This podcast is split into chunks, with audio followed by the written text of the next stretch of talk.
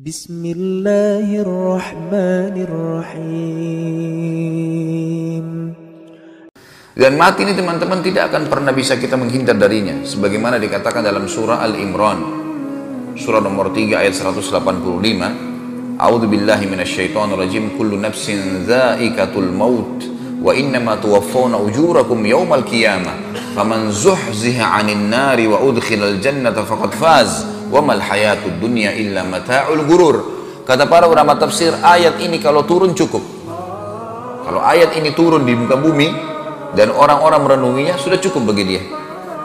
Setiap yang berjiwa, mau manusia, mau hewan, mau jin, semuanya akan merasakan kematian dan kalian akan menerima balasan dari perbuatan kalian. Baik akan dapat, buruk akan dapat pada hari kiamat nanti. Barang siapa yang telah diselamatkan dari api neraka, faman zuhziha anin nar. Zuhziha teman-teman itu tepatnya kalau bahasa kita sebenarnya disaring ya. Seperti orang kalau menyaring sesuatu ada yang dia cari dari situ untuk jatuh semua kotorannya sudah bisa dikatakan zuhzi digoncang disaring gitu kan siapa yang digoncang disaring sehingga dia selamat dari neraka dan masuk ke dalam surga sungguh dia orang yang paling beruntung dan ketahuilah kehidupan dunia ini hanya kesenangan yang memberdaya dari lapar ke lapar dari haus ke haus perlu antum tahu ya di surga teman-teman gak ada lapar, gak ada haus. Jadi antum makan, gitu kan? Bukan karena lapar. Beda ya. Kalau orang lagi mau makan, karena dia lapar, maka dia makan apa saja. Yang ada di depannya, dia makan sudah lapar. Tapi kalau orang tidak lapar, lalu antum ditanya mau makan apa, kita masih punya opsi. Kayaknya saya pengen makan ini deh. Karena memang kita tidak lapar. Beda. Orang yang tidak lapar akan menikmati makanannya. Orang kalau lagi tidak lapar dihidangkan banyak makanan, dia bebas mengincipi yang ini, mengincipi yang itu. Begitu pula dengan kenyang. Di surga nggak ada kenyang, nggak ada kenyang. Jadi makan tidak ada batasnya. Sampai dia merasa dirinya sudah cukup, dia ingin pindah ke makanan lain baru dia pindah. Orang minum bukan karena haus, dinikmatin sehingga dia minum yang Allah menyebutkan baik dalam Al-Quran tentang masalah ya, minuman yang berjahe, air susu, sungai susu, ya, kemudian sungai arak yang tidak memabukkan, kemudian madu, semua disebutkan. Semua itu dikerjakan teman-teman tanpa ada rasa haus, nggak pernah tidur dan capek. Dalam arti kata tidak pernah tidur dalam keadaan capek atau ngantuk. Di surga kalau ada pun orang tertidur, bukan karena dia ngantuk, bukan karena dia capek, memang karena terlalu nyamannya tempat itu sampai dia tertidur. Seperti kalau sudah tidur semalaman. Kemudian antum masuk ke masjid, masjid ini dingin sekali, sejuk, bersih. Kita baring, tertidur. Tidur itu beda dengan tidur kalau orang lagi capek. Sama dengan tadi orang kalau makan tidak lapar. Semua di surga itu keadaan seperti itu. Tidak ada masa tua, nggak ada masa anak-anak. Semuanya 33 tahun, tidak bertambah sehari, nggak berkurang sehari kenikmatan yang sulit untuk digambarkan dan tidak akan ketemu dengan dunia. Teman-teman sekalian, semua kehidupan dunia kita ini memberdaya dalam arti kata gini. Apa pun yang antum perebutkan di muka bumi ini, coba bayangkan kita dapat hal yang paling maksimal. Antum sudah punya mobil yang paling mahal, sekian miliar dan sudah penuh garasi antum dan halamannya dengan 10 mobil Alphard misalnya. Sudah 10 mobil Mercy, 20, 100 mobil kalau perlu. Antum sudah punya rumah di lokasi yang paling strategis. Bukan cuma 30 kali 30 atau 33 kayak masjid ini kali 33 meter. 1000 kali 1000 meter. Dengan istana, dengan 1000 dayang-dayang. Antum punya baju segala macam. Nama antum harum di muka bumi semua sudah didapatkan. Terus setelah itu apa? Apa setelah itu? Ujung-ujungnya dunia itu kita akan mentok ke pertanyaan, setelah itu apa? Apakah itu akan membuat kita kekal, tetap muda, selamat dari kematian? Sama sekali enggak. Banyak orang subhanallah memperebutkan harta warisan. Ribut dengan waris, ahli warisnya. Memperebutkan sesuatu. Untuk apa teman-teman? Untuk tanah di muka bumi. Kapasitas tubuh antum kan ada. Kapasitas perut kita 1 sampai 2 piring nasi. Sudah kenyang. Nggak bisa kita paksain lagi. Kapasitas air kita segelas dua gelas. Untuk apa berebut? Kapasitas tidur antum satu kali dua meter itu kapasitas tidur kita. Untuk apa merebutkan tanah 1000 meter, 2000 meter, sekian hektar? dan akhirnya jor-joran membuat data palsu dan seterusnya untuk apa? Kalau mau lebih jauh, kalau teman-teman biasa naik pesawat, tentu kita tahu. Kalau kita naik pesawat teman-teman dan tanah yang kita perebutkan itu kita lewat di atasnya, dari atas pesawat tidak akan kelihatan sama sekali. Orang kadang-kadang bangga dengan hanya pakai cincin misalnya. Anggap dia punya berlian. Orang kalau punya berlian seperti bola pingpong kira-kira kaya nggak? Kalau orang punya seperti bola basket, baik teman-teman sekalian. Anggap seperti bola basket dia punya berliannya. Itu kadang-kadang kalau berlian sudah sebesar bola pingpong disimpan di sebuah tempat pakai laser segala macam di, diiklankan seluruh dunia luar biasa. Bagaimana kalau seperti bola basket dia punya taruh itu di tanah antum naik pesawat kelihatan itu? Udah nggak kelihatan. Begitu memang dunia. Kalau ruh kita keluar teman-teman sekalian pada saat meninggal kita akan mengetahui hakikat dunia itu. Baru kita keluar ternyata begini ya. Ini loh mobil yang selama ini saya jalan dengan kesombongan. Oh itu loh ya, tanah. Oh ini loh rumah. Semua akan ditinggalkan. Tidak ada. Dan mati itu kalau datang teman-teman tidak kenal orang ini sehat kah orang ini sakit kah orang ini kuat kah orang ini lemah kah orang ini cacat kah olahragawan yang paling hebat dan mengkonsumsi vitamin yang paling hebat di dunia. Mati nggak? Mati. Bukankah ahli-ahli bela diri dunia Bruce Lee mati juga? Binaragawan yang besar badannya mati semuanya. Gak ada yang bisa lewat dari masalah itu orang beriman sangat tentram tenang karena mengetahui masalah-masalah seperti ini. Jangan sampai membuat dunia dunia boleh dinikmatin. Tapi sebagaimana saya sempat singgung semalam teman-teman kata Syekh Uthaymin rahimahullah harusnya kata para salaf ya bahwasanya seharusnya setiap mukmin menjadikan dunia ini seperti tempat dia menyelesaikan hajatnya di kamar mandi di WC udah selesai setelah itu. Jangan menjadikan target utama. Terlalu bersedihan berlebihan gara-gara kehilangan urusan dunia. Enggak. Antum harus lebih sedih karena ketinggalan satu kali sholat asar kata Nabi Shallallahu Alaihi Wasallam siapa yang ketinggalan sholat asar maka seakan-akan kehilangan dunia dan seluruh isinya. Itu yang harus kita merasa sedih karena akan menemani kita amal-amal kita semuanya. Dalil yang kedua surah Jum'ah. Surah nomor 62 ayat 8 tentang masalah kematian yang pasti datang dan akhirnya menyelesaikan urusan kita dengan dunia ini. A'udzu billahi minasyaitonir rajim. Qul innal mauta alladzi tafirruna minhu fa innahu mulaqikum. Thumma turadduna ila alimil ghaibi wasyahadati fayunabbi'ukum bima kuntum ta'malun. Katakanlah hai Muhammad kepada seluruh pengikutmu sesungguhnya kematian yang kamu lari darinya. Banyak orang sengaja lari.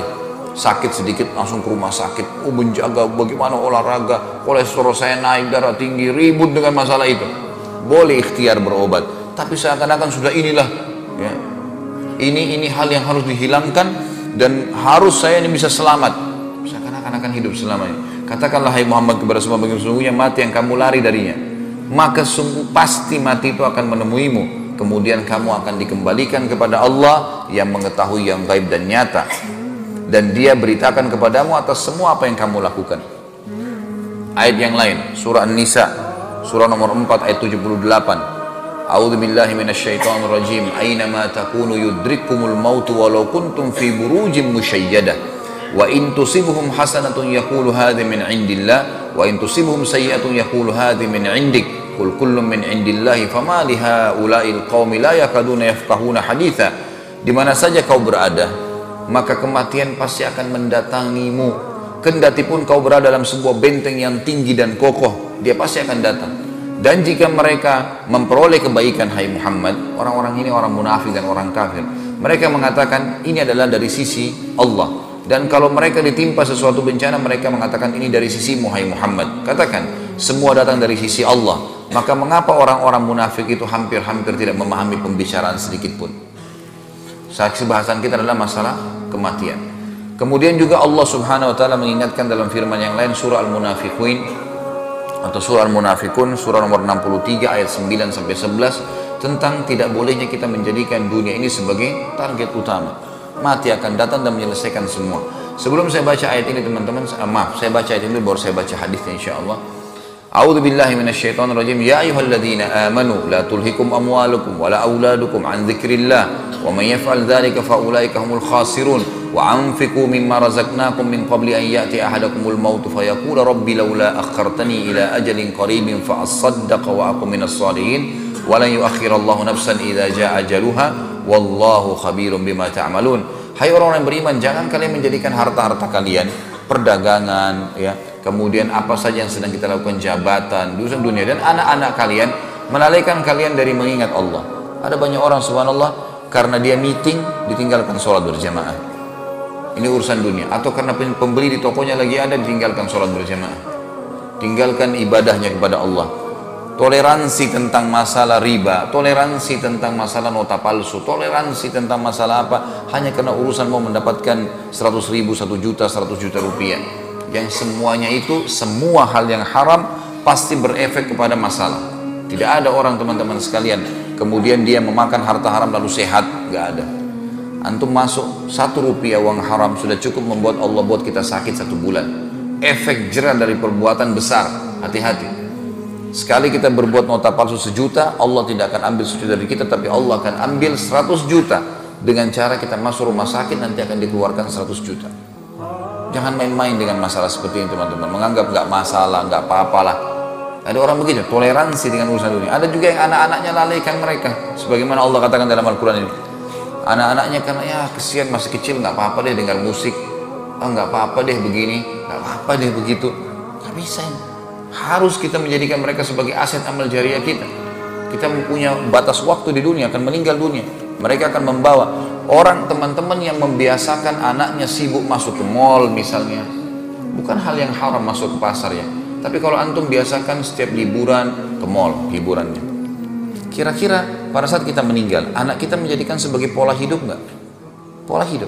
Wah turun temurun kan?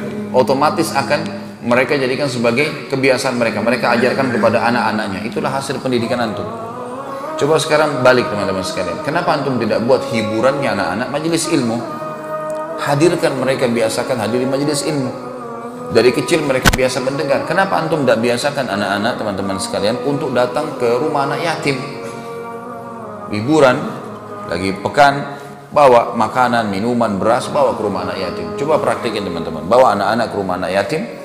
Kemudian pada saat tiba di rumah anak yatim tersebut, bilang sama anak-anak sebelum ke sana, kita akan pergi nak ke satu tempat yang akan membahagiakan kamu di dunia dan di akhirat. Pasti mereka senang. Ke mana? Ke mall ayah, ke mall ibu. Enggak, sebentar, sabar. Ikut aja. Ikut. Bawa beberapa hal dari rumah yang bisa kita berikan santunan. Lalu parkir di rumah anak yatim. Kita sudah sampai nak. Sampai di mana ayah? Apa ini? Ini rumah anak yatim. Untuk apa kita ke sini? Nanti kamu akan tahu. Turun. Bicara sama pimpinan atau pemilik rumah yatim tersebut. Saya datang dengan anak saya dan saya ingin anak saya mendapatkan pelajaran. Bisa semua anak yatim dikumpulin di sini. Tentu saja bisa. Baik, saya akan berikan santunan. Sudah kumpul, duduk semua. Kemudian bilang sama anak kita, nak, di depan kamu ini semua ini yang kamu lihat anak-anak adalah anak yatim. Yatim artinya ayahnya nggak ada, nggak ada yang menaungi. Tahu kenapa mereka ditaruh di sini dalam asrama? Karena nggak ada ayahnya. Ada juga yang tidak ada ibunya. Dari kecil mereka tidak tahu apa-apa. Orang-orang tua inilah yang menjadi orang tua angkat mereka. Mereka makan diatur, mereka dikontrol, mereka harus diawasi. Gak ada sebuah penaung. Kamu sekarang masih punya ayah, masih punya ibu. Bukankah itu sebuah nikmat nak yang besar yang harus kamu syukuri? Kemudian pertemukan anak kita dengan anak-anak yatim itu coba. Suruh ngobrol, suruh sampaikan, nak anak yatim satu silakan. Tidak usah direkayasa, langsung datang. Bagaimana perasaannya nak tidak? Ceritakan kepada anaknya paman ini, anaknya om ini, anaknya tante. Bilang, biarin dia cerita. Nanti anak yatim ini akan mencerita, oh saya begini, saya berharap punya ibu, saya berharap punya ayah, saya begini. Coba dengarkan 10 anak. Kira-kira pada saat anak kita pulang teman-teman dan minggu depan kita akan buat lagi, kita akan ke tempat rumah anak yatim yang lainnya nak, kita akan buat berikan hadiah. Mereka lalu melakukannya dengan gembira dan sudah tahu apa yang kita lakukan. Kira-kira pada saat kita meninggal, mereka akan jadikan pola hidup nggak? Berarti sudah terbiasa ke rumah anak yatim teman-teman. Terbiasa membantu orang susah, terbiasa mengunjungi masjid-masjid, terbiasa menghadiri majelis ilmu.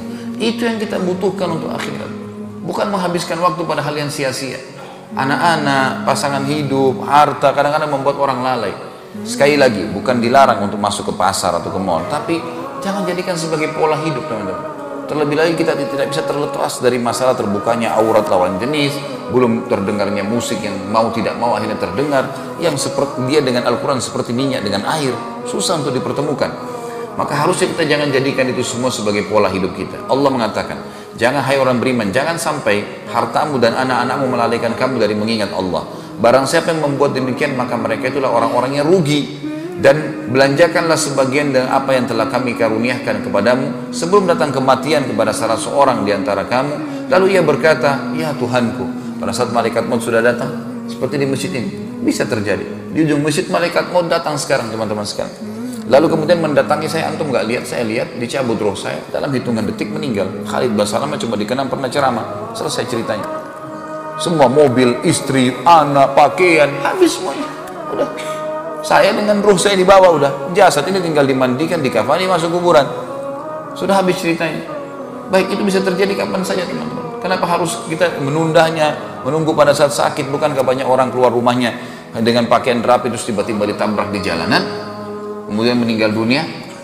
Di Jakarta begitu kemarin ada orang keluar dari mall bawa barang banyak begitu naik mobil tukang parkirnya gembira melihat orang ini karena pakaiannya mobilnya mewah begitu dibantu untuk keluar dia injak gas waktu di starter mobilnya tabrak mobil di belakang hancur mobil di belakang.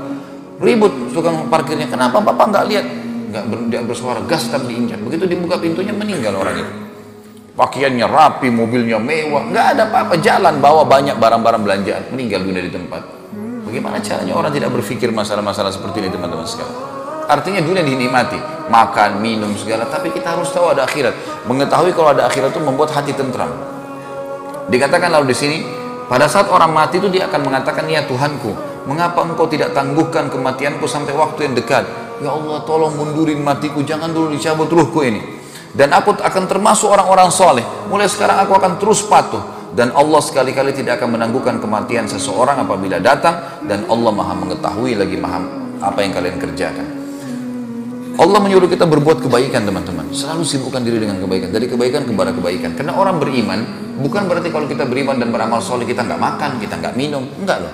Orang kafir dan orang fasik makan dan minum. Orang beriman juga makan dan minum. Mereka tidur, kita tidur.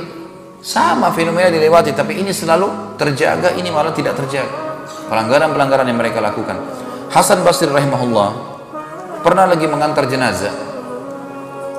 Kemudian dia lagi berzikir antar jenazah yang subhanallah alhamdulillah wala ilaha illallah Allahu akbar. Ada satu anak muda di sebelahnya mengatakan hai imam kenapa anda berzikir? Mengantar jenazah ini berzikir kenapa dilakukan? Ada perintah ada sesuatu. Kata dia hai anak muda ini jenazah yang sedang kita antar sekarang. Kalau tiba-tiba sekarang Allah hidupkan apa yang dia lakukan kira-kira? Apakah dia akan melakukan ketaatan kepada Allah atau melakukan kemaksiatan kepada Allah? Dia akan berzikir dia akan baca Quran atau dia akan berdoa sholat atau dia akan berzina, dia akan riba, dia akan dusta. Kata anak muda itu dia akan beriman dan beramal soleh. Kata Hasan Basri kenapa? Karena dia sudah mati, dia sudah tahu nilainya ibadah itu. Pada saat orang meninggal teman-teman, kita ini semua akan meninggal. Semua kita, kita sedang menuju ke liang lahatnya, tinggal tunggu siapa yang jatuh duluan. Pada saat mati datang, pada saat itu teman-teman, tepat pada saat itu antum akan berharap sujud di dunia sekali meninggal. Antum akan berharap kembali ke dunia baca satu ayat Al-Quran bertemu senyum dengan muslim baru meninggal karena butuhnya dengan setengah pahala. Maka kata Hasan Basri yang kau ucapkan itu benar. Kalau dia hidup dia pasti akan bergegas beramal soleh. Tapi ketahuilah ya anak muda dan yakinlah jenazah ini tidak akan pernah hidup selamanya. Dan jadikan dirimu seakan-akan jenazah ini yang Allah hidupkan dan kau masih punya kesempatan untuk beramal soleh. Jangan tunggu waktu itu datang baru kita mau beramal gak bisa Allah mengatakan dalam surah Al-Baqarah, surah nomor 2 ayat 148, A'udzubillahi minasyaitonirrajim, fastabiqul khairat. Cepat berlomba dalam mengerjakan amal soleh. Jangan tunda. Dari amal soleh ke amal soleh, amal soleh ke amal soleh. Saya di Jakarta didik jemaah saya. Saya mengatakan Bapak Ibu sekalian habis hadir di pengajian, iman kita akan bertambah. Kalau sudah tahu majelis ilmu menyebabkan iman bertambah, nanti kembali ke mobil, putar lagi ceramah. Jangan dengar bisikan syaitan lagi mengatakan tadi kan sudah dengar pengajian. Sekarang saatnya hiburan dengerin dandut. Dengerin rock, dengerin pop. Demi Allah ini nggak bakal ketemu teman-teman. Ini iman kita sudah naik, di sini dengar drop lagi. Dan itu yang setan inginkan. Karena tidak akan merasakan, ambil kalimat ini, tidak akan merasakan kenikmatan ibadah seseorang yang dalam hatinya masih ada dosa. Nggak bisa. Sekecil apa pun dosa itu teman-teman tidak akan antum merasakan kehusyuan. Kalau teman-teman di sini sholat tidak merasakan khusyuk, tidak merasakan hadir, berarti masih ada dosa yang mengganjal. Perbanyak istighfar kepada Allah. Pasti pada saat sudah hilang dosa itu, kita akan merasakan khusyuk. Begitu takbir sudah rasa tenang, baca Quran merasa tersentuh. Kadang-kadang nangis walaupun tidak ngerti bahasa Arab. Akan terbawa dengan arus itu. Jadi kalau masih tidak khusyuk berarti ada dosa yang mengganjal pasti. Karena dosa itu seperti sesuatu yang memburamkan air kata para ulama. Kalau dia sudah dihilangkan maka airnya bisa jernih. Tapi caranya bagaimana? Harus dituang. Misal ada gelas kotor, ada kotorannya, air putih, tapi ada tinta, ada kotoran di situ. Harus caranya adalah supaya tetap di wadah yang sama, maka dituangkan air dari luar. Air ini amal soleh baru. Terus dituangkan tanpa harus dimasukkan lagi tinta baru. Terus nanti akan keluar itu, terganti airnya dengan wadah yang sama. Kalau dia sudah bersih putih, barulah kemudian untuk secara otomatis bisa merasakan kenikmatan ibadah. Allah juga mengatakan dalam Al-Imran 133 surah nomor 3, A'udzu billahi minasyaitonir rajim wasari'u ila magfiratin min rabbikum wa jannatin arduha as-samawati wal ard uiddat lil muttaqin. Bergegaslah, berlumba-lumbalah kalian, cepat kepada pengampunan Tuhan kalian. Jangan tunda, istighfar segera.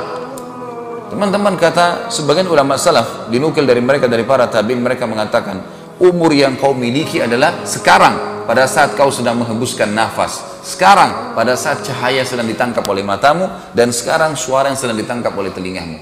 Nggak ada yang lain. Sedetik ke depan kita nggak tahu kita masih hidup atau tidak. Bukan cuma sehari, sedetik. Jadi yang kita miliki hanya pada saat sekarang saja. Allah bilang bergegas pada pengampunan Tuhan kalian. Jangan tunda istighfar dan taubat itu. Dan kejar surga. Sekarang amal-amal soleh terus kerjakan. Orang berubah menjadi lebih baik itu adalah satu prestasi yang luasnya seluas langit dan bumi nggak berimbang. Di surga nggak bisa nggak perlu lagi minta apa nggak perlu lagi masak kalau mau makanan. Sampai dalam sebuah riwayat Bukhari dijelaskan kalau seekor burung sedang terbang di atas surga kemudian ahli surga melihatnya lalu mengatakan betapa indahnya burung ini. Terus terlintas dalam hatinya apa? Bagaimana dagingnya ya? Tiba-tiba terhidang di depannya seperti apa yang dia bayangkan. Apakah itu digoreng apakah itu dibakar apakah itu sudah langsung tiba-tiba nggak butuh beli dulu, nggak butuh bersihkan, nggak butuh segala macam. Dan kita makan bukan dalam kondisi lapar tadi, kita makan sampai sepuasnya, sampai kita sudah puas, nggak ada kekenyangan, sehingga kenikmatan abadi yang dirasakan. Allah suruh kejar, kejar surga itu. Yang luas sesuatu langit dan bumi itu targetmu, jangan dunia gitu. Semua akan ditinggalkan.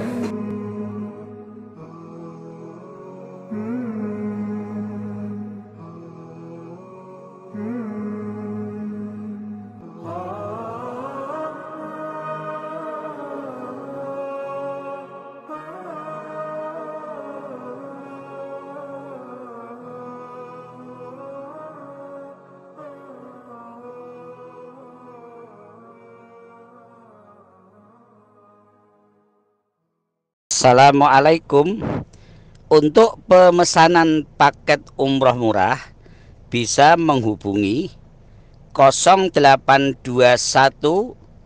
4196 0857 Kami ulangi sekali lagi Untuk pemesanan paket umroh murah Bisa menghubungi 0821 4196 0857 Sekali lagi 0821 4196 0857 Terima kasih